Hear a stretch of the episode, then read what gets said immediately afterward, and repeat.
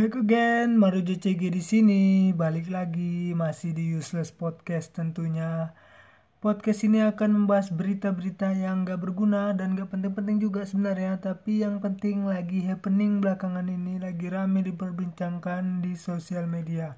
Kita akan kupas tuntas di sini tentunya. Nah, buat teman-teman yang baru mendengarkan Useless Podcast akan tayang setiap hari Senin dan Kamis eksklusif on Spotify. Sebelum masuk ke berita pertama, teman-teman di sini mungkin pada sering nongkrong ya. Ya kalau nggak sering ya at least pernah nongkrong lah ya. Nah kata-kata apa sih, kata-kata gaul apa sih yang sering dikeluarkan di anak tongkrongan itu? Apakah kalian lazim mendengarkan kata anjay? Nah kita masuk ke berita pertama. Jadi, ada seorang yang mempermasalahkan kata anjay. Orang ini aku pun gak tahu statusnya apa. Entah dia youtuber, selebgram, konten kreator atau apa pun itulah ya. Gak penting sih. Tapi yang penting ini anak mempermasalahkan kata anjay sampai melaporkan perihal ini ke Komnas Perlindungan Anak dan yang anehnya ditanggapi dengan serius. Nah, kan sih penting tuh. Si ada kerjaan. Entah si kawan ini yang kurang kerjaan, entah lembaga negara kita yang tidak ada pekerjaan lagi. Padahal demo tentang RUU PKS aja belum ditanggapi. Ada hal-hal serius dianggap bercanda, yang bercanda malah diseriuskan.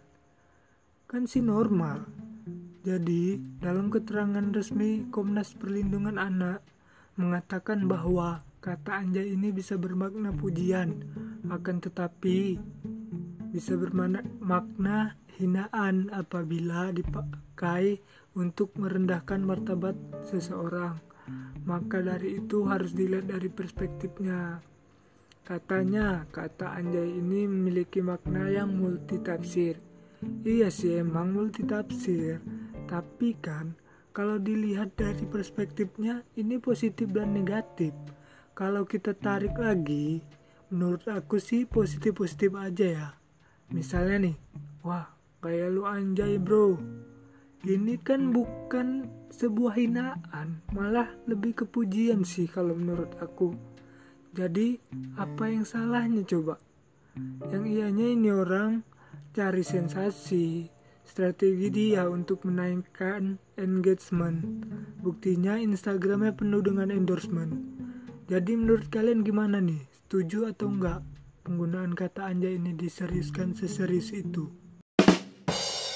Ngomong-ngomong hal serius, berita kedua datang dari negeri Paman Sam yang mana pemerintah di sana menseriuskan membanet atau memblokir aplikasi TikTok. Presiden Trump sendiri sudah mendeklarasikan yang mana itu artinya aplikasi ini sudah sah ilegal digunakan di sana. Jadi kalau kemarin kita masih ngelihat Justin Bieber, Selena Gomez atau artis Hollywood lainnya yang di hire oleh TikTok sekarang udah nggak bisa lagi nih.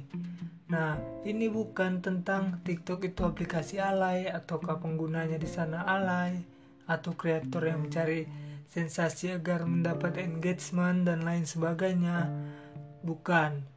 TikTok ini dibanet atau diblokir pure karena kepentingan politik yang dicurigai aplikasi ini digunakan untuk memata-matai atau mengumpulkan data dari penduduk Amerika Serikat dan dikirimkan langsung ke Cina. Tapi sebentar dulu nih, kayak ada yang janggal di sini.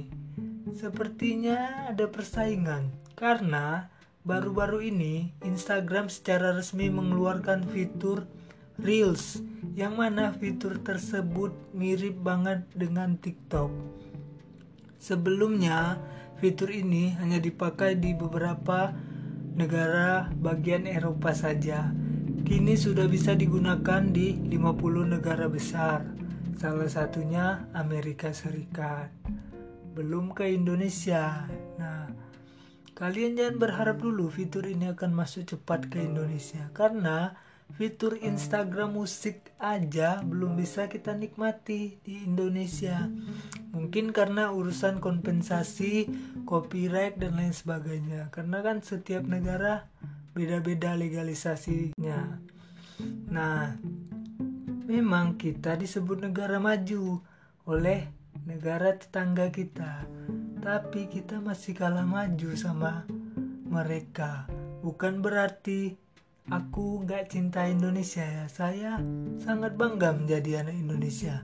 Jangan salahkan negaranya, silahkan saja kritik pemerintahnya atau petingginya. Kita harus punya power sebagai aktivis pembela negara karena mau gimana pun 10 atau 15 tahun ke depan Indonesia ada di tangan kita atau di tangan adik-adik kita ya enggak Oke, baiklah cukup berfaedah nampaknya pesan-pesan di episode kali ini ya. Kalau gitu Maru JCG pamit, sampai jumpa di episode berikutnya. Bye bye.